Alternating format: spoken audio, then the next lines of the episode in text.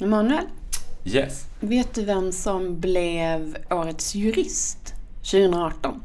Lalalala. Oh ja, det vet jag. Vet du det? Ja, vet inte du det? Ja, jag vet. Men om du vet? Naturligtvis. Det är ju så att det var Linnea Claesson som blev det. Ja! Och då, för att det är sport involverat, så är du ju expert på henne. ja, handbollsspelare som eh, läser till jurist. Jag vet inte om hon har tagit examen än. Det vet inte jag heller. Nej. Men hon har ju verkligen tagit en stor och viktig roll i bekämpningen av näthat. Ja.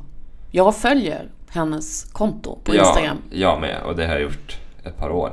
Man Det- blir ju helt bestört. Alltså, så mycket skit som hon får. Och faktiskt- varför, undrar man. Nej men alltså, det- ja, varför? En duktig handbollsspelare, Mm. en jurist som försöker göra gott i världen. Därför att hon är engagerad liksom i en massa olika frågor, både kring ja, men, feminism och mänskliga rättigheter. Och Ja, Varför får hon så mycket skit? jag önskar jag verkligen kunde svara på det, men det är väldigt, väldigt tragiskt någon överhuvudtaget ska behöva utstå den typen av näthat eller näthat överlag. Och där är det ju, alltså, man kan ju ha åsikter kring det där. Vad, vad tänker du Manuel? Alltså det Linnea gör som jag tycker är viktigt, eh, men som också är, alltså det är det som blir så förfärande när man läser det där kontot. Det, hon synliggör eh, vad det är hon får för typ av hat skickat till sig eh, i skrift då. Eh, där det där män, för det är oftast män, eh, eh, uttrycker liksom en massa hemskheter. Eh, och då synliggör hon det, hon lägger upp det. Eh, och jag kan imponeras av att hon lyckas liksom bemöta dem så pass sakligt som hon ändå gör. Oftast med en, en liksom humoristisk och, och eh, vad ska man säga, lite klämkäck. Ah, klämkäck är men hon bemöter dem liksom proffsigt. Eh, själv blir man ju väldigt liksom känslomässigt påverkad. Jag blir ju arg. Jag skulle inte kunna liksom möta den typen av hat på det sättet som hon gör. Jag är så imponerad. Ja, alltså det är djupt imponerande att någonstans, inte stå ut kanske, men att man tar sig tiden och energin att faktiskt, ja men, sätta tillbaka på något sätt. Ja. Det är imponerande. Du hade ett annat exempel inom sporten också. Det kom ju en dom ganska nyligen. Ja men precis. Det var ju en fotbollsspelare i, i svenska landslaget, Jimmy Durmaz, som fick utstå eh, massa skit, rent ut sagt, eh, på nätet efter en in, insats eh, i fotbolls-VM sommaren 2018. Ja. Och där har ju nu en av de som uttryckte sig mot honom på sociala medier blivit dömd för det. Ja, det blev en fällande dom. Precis. För det är väl det man kan liksom undra. Blir det, alltså blir fällande domar? Anmäls de här brotten? Eller håller vi liksom på att förflytta toleransgränserna så att vi liksom tror att nej men, det går ändå inte att göra någonting? Jag tycker det ska bli så spännande att, att få prata med Mårten Schultz om de här sakerna. Verkligen. Vet du vem Mårten Schultz är? Vem vet inte vem Mårten Schultz är? Han är typ juristvärldens motsvarighet på ekonomernas Mikael Dahlén skulle jag säga. Vem är det? Nej, jag skojar bara. Eh, nej men han är ju verkligen engagerad i de här frågorna. Oh ja. Och kan väldigt mycket. Han är professor i civilrätt. Så jag tycker vi bjuder in honom nu. Ja!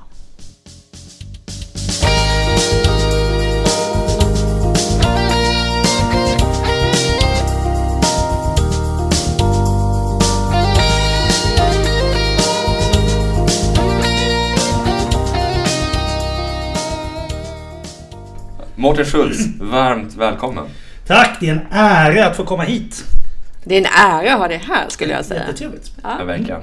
Många vet vem du är. Om det skulle vara någon som inte vet, berätta lite om dig själv. Eh, ja, Jag heter Mårten, är professor i civilrätt vid Stockholms universitet. eh, Skriver om juridik i Svenska Dagbladet. Och jobbar en hel del med eh, det som jag tror vi ska ägna oss åt i det här samtalet, mest kränkningar på nätet. Vet du att jag, när vi eh, introducerade det här avsnittet så sa jag ja men Mårten Schultz är ju lite ekonomernas, eller förlåt, juristernas motsvarighet på ekonomernas Mikael Dahlén. Ja, Gillar du den eller känns den det, fel? det finns faktiskt en Flashback-tråd om, eh, med rubriken Vad är det för fel på svenska akademiker nu för tiden? Och den handlar om mig och Micke. Eh, vi, vi, att vi lyssnar på punk eller elektromusik, att vi har konstiga kläder, konstiga frisyrer. Så slutar det med att vi är kulturmarxister och PK. Ja, okej. Ja men då vet vi. ja men du vänder dig inte liksom mot den så att jag behöver ta bort Nej, jag, det jag, jag känner Micke lite också. Så att det, det, det tycker jag bara är hedrande. Ja, tycker jag också. Jag tycker ni lyser som två klara stjärnor där ute.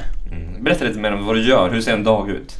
Ja, det är ju eh, väldigt, väldigt olika då. Eh, Eftersom jag gör många olika saker. En bra dag så lämnar jag barn i skolan eller kanske ännu bättre får jag min fru att göra det. Och sen kryssar jag runt i morgonrock fram till tre när jag ska hämta barn i skolan och däremellan så skriver jag en massa text hemma. Det är den optimala dagen. Så, så är inte så många dagar. Eh, Utan periodvis är jag på universitetet varje dag. När- För jag har ansvar för olika kurser och undervisar själv och så. Men mitt yrke är ju bra så tillvida att om jag inte måste vara på jobbet så kan jag vara någon annanstans. Och då kan jag till exempel sitta hemma och skriva mer ostört. Men sen så är jag mycket runt på stan som man säger. Jag kanske föreläser för familjens jurist eller för en advokatbyrå eller eh, agerar som rådgivare åt advokater i tvister. En sak som jag gör en del och tycker är väldigt roligt också. Det är lärorikt. Eh, eller så jobbar jag för staten på olika sätt. Som kanske sitter som expert i en utredning eller i olika nämnder och sånt där. Jag gör rätt mycket sånt. Spännande. Du spelar in en eh, podcast också med Tove Lindgren. Yes! Juridikpodden som ni sponsrar. Ja! Tack familjens jurist. Puss brukar du säga till familjens jurist Mm. i din podd. Mm. Ja, puss till dig då Martin. Puss. Ja, nej men det har vi gjort nu. Vi är inne på trettonde säsongen och eh, är uppe i mer än två miljoner lyssningar. Är juridik intressant för icke-jurister? Ja men det tror jag det är. Det, menar, det, finns, det blir ju alltid nyheter kring vissa juridiska händelser. Kanske framförallt straffrätt men också annat. Eh, ibland folkrätt till exempel. Mm. Inte minst nu. Och, och på sistone har ju migrationsjuridiken blivit väldigt het. Det var den ju inte för tio år sedan. Liksom. Eh, och sen så har vi ju dessutom på, om man, om man tar en tidningsperspektiv, på näringslivssidorna finns det ju alltid närvarande ett intresse för konsumentfrågor, bank och finansfrågor, bostadslånet, amorteringskrav. Allt det här är ju, så absolut, det finns ett sug efter juridisk information och juridisk kunskap även bland de som inte har studerat juridik. Ja, och inte minst tänker jag också näthats eller nätkränkningar. Hur, var, hur hamnade du i de frågorna? Vad var det som fick dig att intressera dig för det? Det börjar egentligen med eh, en kombination tror jag av två saker. Nu kanske man, jag skriver om min egen historia. Varför blev det som det blev? Sliding doors liksom. men, men jag tror att det är en kombination av två saker. Dels eh, att jag själv är intresserad av internet som disruptor. Det är väl svårt att säga det nu för tiden för nu har vi levt med internet så länge. Så att jag gillar internet och liksom länge funderat kring vad juridik kring internet kan vara. Den tidig juridik, blogg och lite annat sånt där. Eh, och sen så har jag i min vanliga yrkesroll arbetat mycket med brottsofferfrågor. Så jag sitter i Brottsoffermyndighetens nämnd sedan tio år och sånt där. Så, att jag, så det är nog en kombination av de två intressena mot bakgrund av ett engagemang som går långt tillbaka, långt innan jag blev jurist, nämligen i grundläggande fri och rättighetsfrågor, avvägningar mellan yttrandefrihet, integritet och sådana saker. Ja, det. Så det, det är väl ingången. Eh, vi pratade lite grann här innan, jag och Linda, om aktuella näthats eh, händelser som, som ja, men, Jimmy Durmaz till exempel. Vi har Linnea Claesson som dagligen har en kamp. Eh, vi ser allt mer av det här. Eh, hur ser du på den utvecklingen? Eh, ja, om, man, om, om frågeställningen är är det mer? Alltså sker, sker det mer brott på internet idag än, än för några år sedan eh, riktade mot person? Så vet jag inte riktigt. Ja, jag skulle nog kanske ändå... Det är ju oerhört svårt dessutom att få statistik på det. Hur ska man liksom... Mm. Hur ska man mäta det? Vad är nationellt och vad är internationellt? Men jag, jag skulle gissa kanske att det har gått upp lite. Jag tycker tonen, eh, åtminstone i vissa särskilt stora diskussionsfora, är råare och mer liksom explicit hatisk idag än tidigare. Samtidigt så tror jag också att vi har en ökad uppmärksamhet kring de här frågorna. Eh, och, vi, och om man tar då Jimmy Durmaz-fallet som du tog upp som ett exempel. Så är det ett tecken på att rättsväsendet faktiskt når fram ibland också. Att mm. rättsstaten inte helt har kapitulerat som ju den bild man ibland får.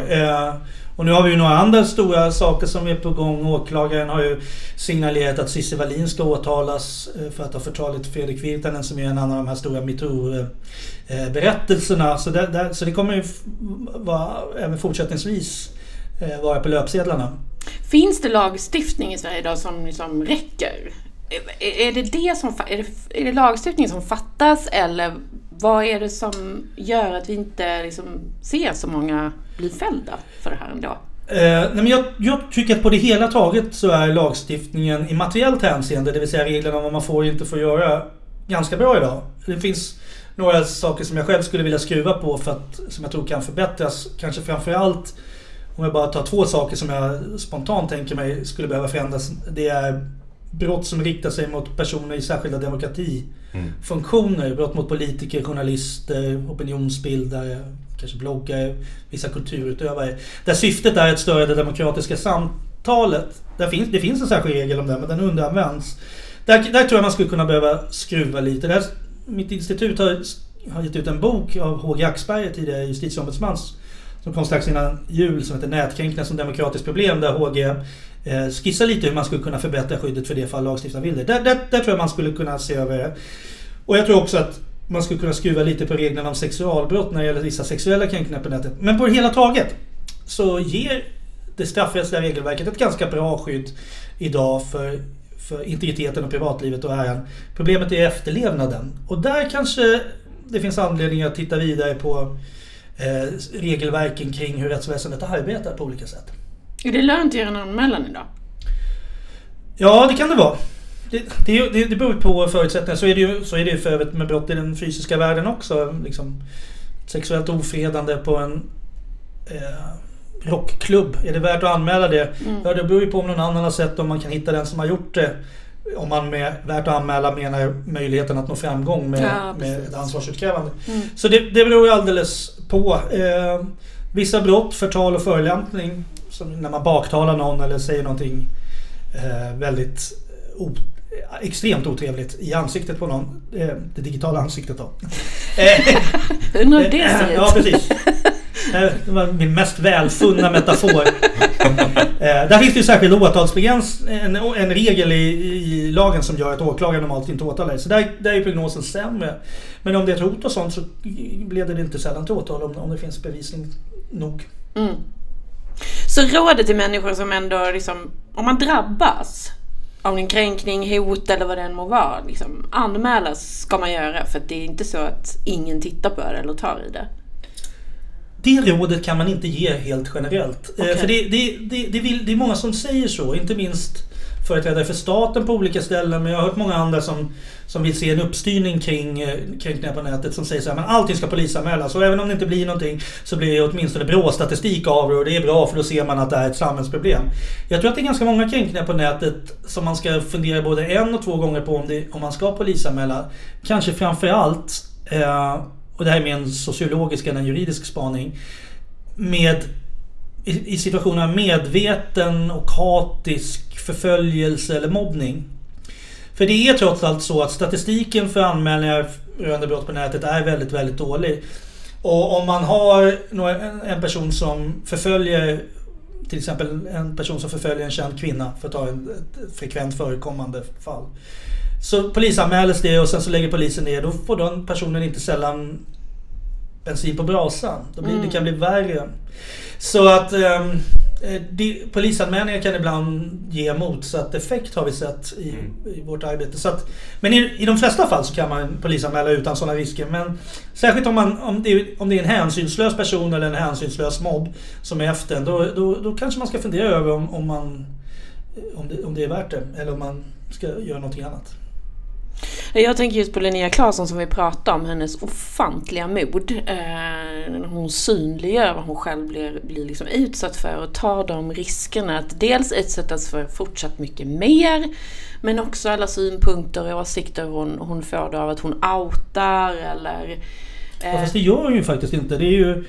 Det hedrar Linnea Claesson att hon, eh, hon, hon toftar bort namnet. Precis vad vi sa också, att så hon att är, lyckas hon, alltid vara nyanserad på något sätt. Eh, så att det, nej, för det tycker jag är, är, är bra. Då. Hon tar ett, ett, ansvar för att liksom så att det inte blir ett drev mot den personen. Och då kanske man kan tycka att den personen kanske förtjänar det och så. Jag vet inte hur blodtörstig, det beror ju på hur blodtörstig man är. Men jag tycker ändå att eh, det, eh, det tycker jag är bra. Det, absolut. Ja, jag, jag är imponerad över att hon dag efter dag efter dag efter dag står ut med det där och håller fanan högt på något sätt. Jag är jätteimponerad. Um, men alltså om man blir utsatt, om man är i det här gränslandet, eh, att ska jag anmäla eller ska jag inte anmäla för att det kanske bara blir värre av att jag anmäler. Vad ska man göra då? Ska man bara gå med rak rygg därifrån och, och försöka tänka på något annat? Mm, nej, men vad man kan ju göra är ju att... Eh, för de som lyssnar på er podd är ju inte i första hand jurister om jag förstått det rätt utan eh, juridiskt intresserade personer som inte själva är jurister. Eh, för, för jurister får man nämligen ge andra råd till än vad man ska ge till folk som inte har pluggat juridik. För de som inte har läst juridik så kan ett första steg kanske vara att eh, ta reda på försöka ta reda på om det man har utsatt för faktiskt är otillåtet. Mm. Eh, det vill säga att ge sig själv, ge, göra en diagnos på sin egen upplevelse. Är det en otillåten eh, ett otillåtet yttrande eller en otillåten kränkning som jag har utsatts för i lagens mening. Yttrandefriheten är väldigt långtgående i Sverige. Eh, och det finns lite olika verktyg för det. Jag kommer snart lansera en egen digital tjänst där man kan liksom ge sig själv en egen liten som är gratis att använda. Man kan klicka runt lite och säga ja men det här är nog ändå ett brott som jag är utsatt för. Det är inte bara jag som är lättkränkt mm. eller så.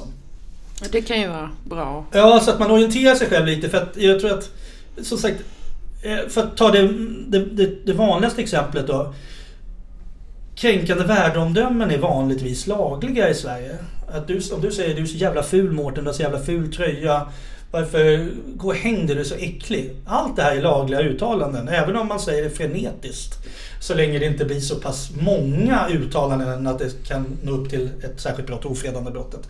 Så att yttrandefriheten är långtgående och då, då kanske en bra grej man kan göra för sig själv det är att kolla så att inte hamna i den, någon av de här tillåtna kategorierna av, av obehagliga yttranden. Där, mm. där vi låter yttrandefriheten gå före. Ja, för det där kan vara ganska svårt att särskilja på om man inte är juridiskt bevandrad. Eh, jag menar, det är klart man kan känna sig kränkt och, och ett obehag av att höra att man är usel och värdelös men det kanske egentligen inte är något brottsligt bakom. Nej, så är det. Uppmaningar till självmord. För att ta ett annat exempel. Du är så äcklig, ta livet av dig. Det är ju vanligtvis tillåtet att säga så i Sverige. Så att, eh, vilket, det, det, så måste det inte vara, men det, det är det just nu. Vi ja. har en speciell yttrandefrihetstradition i vårt land. Eh, Mårten, familjens jurist. Eh, vi finns ju eh, på många ställen i Sverige och, och vi försöker ju engagera oss i alla typer av juridiska frågor som vi ser berör människor, privatpersoner och, och nå fram med tips och kunskap. Och vi som aktör, ser du att vi kan göra någonting? Ja! Vad bra, så vi inte behöver Nej, men, nej, vi, vi, har ju bollat lite sådana tankar. Jag har varit hos Familjens Jurist under många år, lite då och då, och pratat om det här. Familjens Jurist är, nu, låter jag smarrigt och jag har, inte, jag har inte fått betalt för att säga det här. Men det är att, Förutom sponsorn. Ja, ni sponsrar min podd ja, det är sant. Men det här, är ändå, det här är faktiskt ändå inte en köpt åsikt, för jag skulle aldrig säga det här annars. Men Familjens Jurist har en unik position i det att, eh, eh, till skillnad från advokat, det finns vissa advokatbyråer som har stor spridning i landet på många ställen. Men Familjens Jurist har en helt annan nivå av spridning. Så det, Familjens Jurist finns, eh, det finns ju ingen riktig motsvarighet, det finns ju där människor finns. Eh, dessutom så finns det här nya samarbetet mellan eh, Familjens Jurist och eh, som innebär att om man är ansluten till vissa fackförbund så får man, har man större möjlighet att, att, att kostnadsfritt kunna få juridisk hjälp ifrån familjens det, det finns inga andra eh, sådana motsvarigheter i, i Sverige. Så det, eh, det, det, det är absolut så. För, och nu poängen, eller liksom det bakomliggande antagandet här är Brottsförebyggande rådet gjorde en stor undersökning, en genomgång för några år sedan om kränkningar, eller anmälningar om kränkningar på nätet och i mer än 96% av fallen föranledde de inte någon åtgärd alls ifrån polis och åklagare. Det inleddes inte ens en förundersökning. Så färre än 4% av fallen leder till, till en reaktion. Mm. Det som återstår är, om människor vill göra någonting juridiskt, det är att själva utkräva ansvar. Då behöver man ofta, inte alltid men ofta, ett ombud. Många tycker det är främmande att gå till domstol själv. Många tycker, är oroliga för att det är för dyrt att gå till advokat. Det måste det inte vara, men det kan vara det. Men Familjens jurist kan, vara, kan fylla verkligen den luckan, hoppas jag. Ja. För människor som Hoppas blir vi utsatta för kränkningar på Mm. nätet. Så att, eh, och eftersom mitt endgame är att motverka kränkningar på nätet och inte att sälja era tjänster åt det, så hoppas jag på det. Vi tar med oss den stafettpinnen. Eh, Det finns mycket att göra på det här området och det är ett angeläget ämne som också drabbar precis allt och alla och inte minst våra barn som eh, figurerar på sociala medier och som vi försöker skydda efter bästa förmåga och förstånd. Tyvärr ligger vi, i alla fall min generations föräldrar, rätt långt efter tekniskt. Eh, Så det känns angeläget att liksom försöka förstå vad man kan göra och hur man kan hjälpa till. Har vi någonting annat avslutande Mårten som du känner att det här är viktigt också när man pratar om näthat? Men kanske en checklista? Ja, Ska jag avsluta med en checklista? ja, Ja. bra, mycket bra. Vad gör man när man har blivit utsatt för en kränkning på nätet? Eh, eller om ens barn har blivit utsatt för en kränkning på nätet. Och man vill göra någonting åt det, inte bara låta det passera. Så tänker jag, det här är tips, men det, det här funkar inte för alla situationer och all, allting, är, allting är olika. Men jag tänker med ungefär så här. Det första man kan göra är att säkra bevisning. Fotografera kränkningen, eh, gör en skärmdump, eh, spara ner podden eller ljudmeddelandet. Och låt en extern person ta del av den bevisning som har sparats. Till exempel att titta på skärmdumpen och i Facebookgruppen och, eller Instagramkontot. Eh, och det här sista är till för att om det kommer en invändning så småningom, om det blir någonting av det. Men det var inte, det stod inte så. Det här har manipulerats i efterhand genom Photoshop eller det, det har förvrängts. Då finns det en extern person som ja, i, i sista hand skulle kunna vittna om Nej men det, här, det stod så här på internet, jag såg det, det stämde där och då. Mm. Det är ett. Två, gör en egen juridisk bedömning så gott du kan. Eh, ta del av den sån information som finns. Eh, MUCF, alltså ga- gamla ungdomsstyrelsen, har jättebra material för sånt här som delvis är dessvärre är föråldrat. Jag tror att Statens medieråd är på gång med någonting nytt. Så två, gör, ge dig själv, gör en juridisk diagnos. Tre, anmäl. I första hand kan man anmäla till plattformen och försöka få Instagram att ta bort inlägget eller vad det nu kan vara. Fyra, anmäl till polisen. Mm. Fem, om inte polisen gör något, begär omprövning av polisens beslut. Sex, om du fortfarande vill gå vidare, gör någonting själv, stäm någon. Anlita ett ombud, gör det själva eller ring familjens jurist om du omfattas av deras försäkring. Toppen! Stort tack Mårten för att Tack. du var med idag. Jättetrevligt, jättekul. Stort tack.